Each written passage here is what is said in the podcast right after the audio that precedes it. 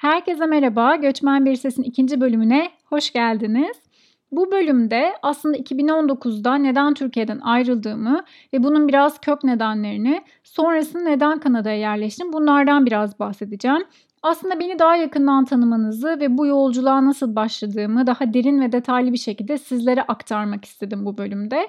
O yüzden hazırsanız başlayalım.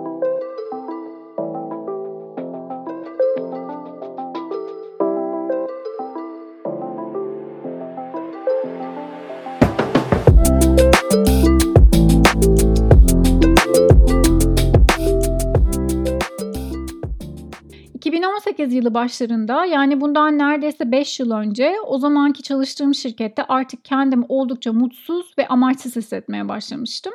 Yani bu öyle bir durumdu ki sabahları uyanmak bir işkenceye dönüşmüş. 10 dakika sürecek işlerim bile ertelemeye başlamıştım. Hatta fırsatını yakalarsam da işimden şikayet etmekten asla geri durmuyordum. Yani tamamen bir şikayet makinesine dönüşmüştüm.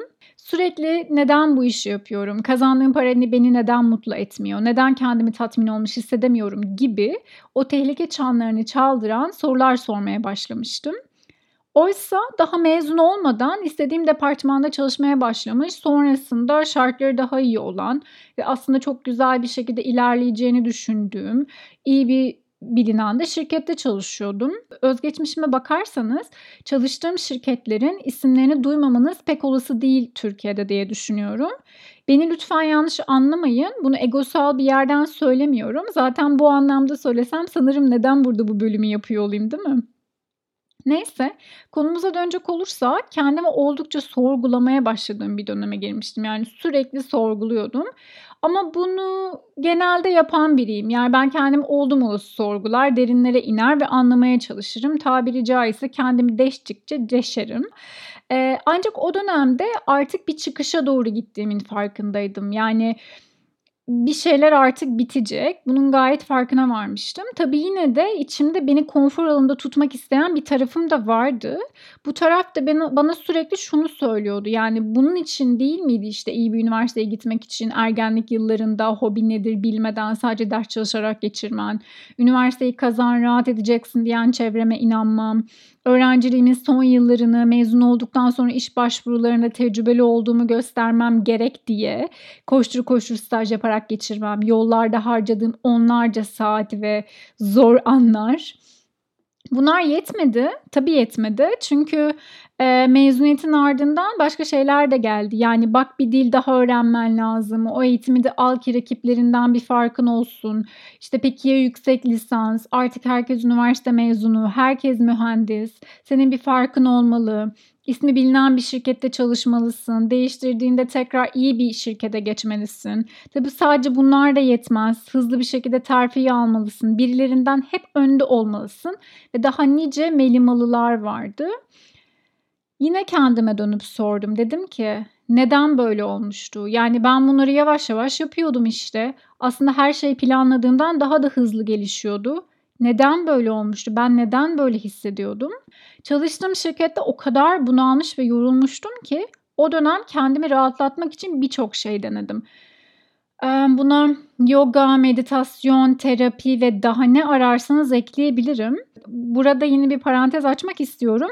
Bu pratikler benim hala hayatımda ve oldukça bana iyi gelen şeyler. Hala düzenli yoga ve meditasyon yapıyorum. düzenli olarak terapiye gidiyorum. Bunlarla ilgili bir şeyim yok. Yani sıkıntım ya da onları yermek ya da övmek gibi bir amacım yok. Ama o dönemde bu pratikleri bulunduğum o sıkışmışlık hissini anlamak ve çözüm bulmak için değil de o hislerden biraz olsun uzaklaşmak, onları unutmak, yani özetle onlardan kaçmak için hayatıma almıştım bunları. Zaten iç dünyamda çocukluğumdan beri sıkışmış bir şekilde yaşayan biriydim ve bunları çözmek için de hala fazlasıyla mesai harcıyorum. Dediğim gibi hala e, ruhsal olarak, mental olarak kendimi rah- rahatlatmak ve iyi bir seviyede tutmak için gerçekten çaba harcıyorum. Ee, ve öyle ki ben de kendimi anlamaya çalıştıkça ve buna ciddi yatırım ve emek harcayınca aslında kendimi tanımladığım şeyleri olmak zorunda kaldığımı fark ettim. Yani burada ne demek istiyorum aslında? Örneğin ben kendimi olgun, çalışkan, güçlü, kararlı olarak tanımlayabilirim ki hala öyle diyebilirim. Yani, eee, hâlâ bu tanımlar üzerimde var ancak artık bunları yani, artık bunların beni ne kadar da yorduğunun farkındayım. Yani, sürekli bu, eee, etiketlere tutunmanın beni ne kadar yorduğunun farkındayım. Bu şeyleri bana yarar sağlayacak şekilde kullanmaya ve beni ruhsal olarak zorladıklarını anladığımda onları bir kenara bırakmayı öğreniyorum. Yani, öğrendim artık bunlardan kurtuldum diyemem. Bu bir süreç, bunu öğreniyorum. Yani, örneğin, eee, her zaman güçlü görünemem. Tembellik yapmak istediğim dönemler de olabilir. Bazen çocuksu şeyler yapabilirim.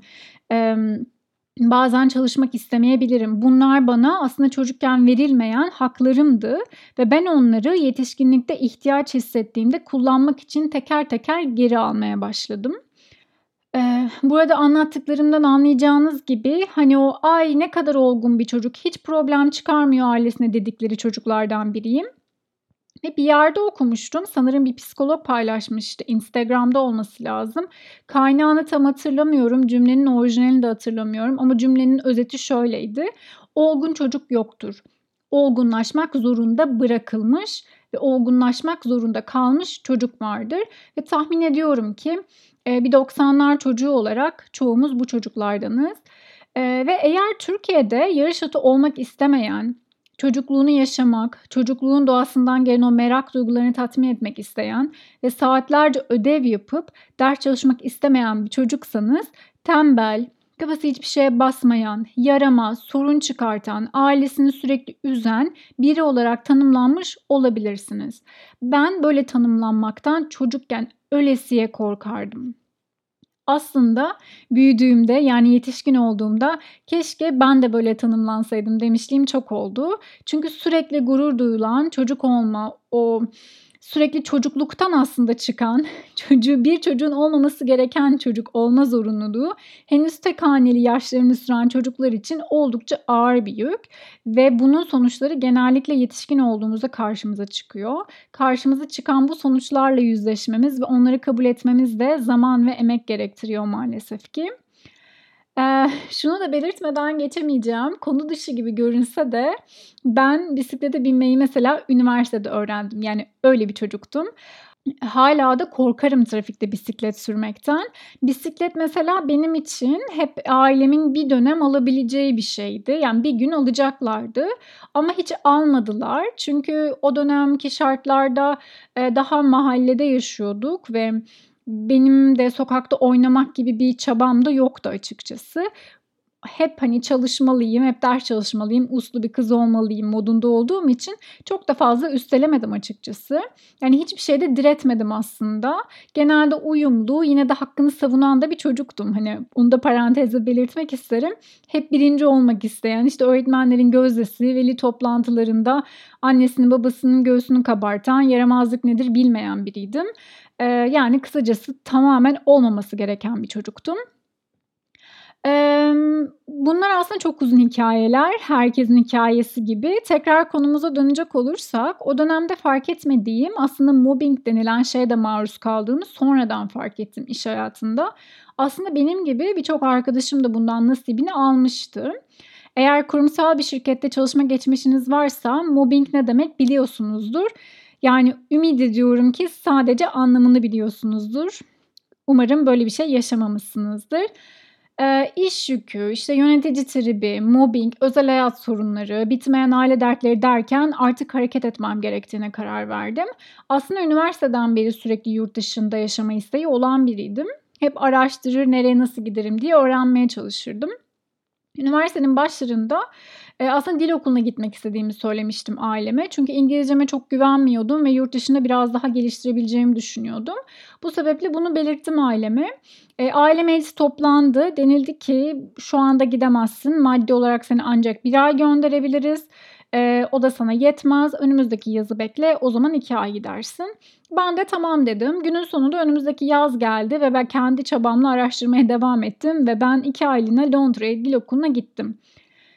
Emm, unutmuyorum, Haftalığım 130 pound'tu ve bunun 40 pound'u her hafta akbil parasına gidiyordu. Yani oldukça az bir miktarla parayla gitmiştim ama olabildiğince az yiyip çok gezdim diyebilirim. Londra'da gidebildiğim kadar müzeye gittim ki birçok müze ücretsiz orada. Bu çok güzel bir şey. Ee, yakaladığım ucuz otobüs ve tren biletleriyle Cambridge, Liverpool, Edinburgh ve bir daha birçok şehre gittim. Hatta Edinburgh'a gece otobüsle gidip ki otobüs yolculuğu 8 saat gündüz gezip akşam yine otobüsle dönmüştüm ki kalacak yer parası vermeyeyim diye.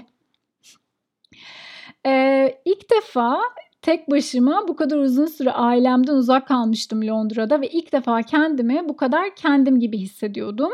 O zamandan beri de iyice yurt dışında yaşama fikri beni artık ele geçirmeye başlamıştı.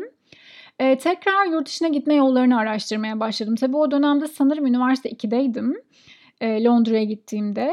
Eee, arzum bu yüzden de yüksek lisans yapmaktı mezun olduktan sonra. Ama apaçık ortadaydı ki ailem bunu mümkün değil karşılayamazdı. Bu yüzden mezun olup işe başladığım andan itibaren döviz hesabı açıp para biriktirmeye başladım. O dönem kurlar tabii bu kadar yüksek değildi. Eee, ancak artışların ayak sesleri de yavaş yavaş gelmeye başlamıştı. Çünkü ben her seferinde, eee, döviz aldığımda elime daha az miktarda para geçiyordu. Öyle söyleyebilirim. Eee, yaklaşık 4 yıl sonra gerçek bir sıkışmışlığın içinde, kalbimin bir köşesinde Londra'da yüksek lisans hayaliyle yine bilgisayar başında araştırmaya koyuldum. Ancak bütçemin buna yetmesi yine imkansızdı. Tabii kalbim birazcık kırılmıştı. Ama kafama koymuştum. Çünkü artık gerçek anlamda nefes alamamaya başlamıştım. Yani çalışmaktan asla şikayet eden biri olmadım ama sınırlarımın ihlal edilme cüretinin gösterilmesi e, ve sürekli belli başlı triplerin atılması yani klasik o mobbingin yapılması beni günlük hayatta şikayet eden biri haline çevirmişti. Eee, ben de deveyi gütmektense diyardan gitmeyi seçtim. Zaten içimde vardı yani yurt dışında yaşama arzusu. Eee, bu da biraz buna destek oldu. Ama yeterli param yoktu yüksek lisans için. Sonra karşıma İrlanda'da dil okulu seçeneği çıktı. Hem İngilizcemi daha çok geliştirebilirdim hem de çalışabilirdim bu opsiyonda. Param hala çok fazla yetmiyordu. Yani beni orada idare edecek 2 ay param bile yoktu öyle söyleyebilirim masraflarımı çıkardığımda. Eee, ya, çünkü tahmin edersiniz ki Türkiye şartlarında bir dil okuluna gitmek, yüksek lisans yapmak gerçekten, eee, çok büyük paralar gerektiriyor. Özellikle bu dönemde daha da büyük paralar gerektiriyor. Yani çok iyi anlıyorum bu tarz planlar yapanların bazen umutsuzluğa kapılmasına ama Eee, o dönemde de öyleydi. Yani 2019 dediğim dönem 4 sene öncesinden bahsediyorum. O dönemde de gerçekten zorluydu. Sürekli finansal sorunların olduğu bir evde büyümüştüm ve maddi yetersizlik en korktuğum şey haline gelmişti haliyle.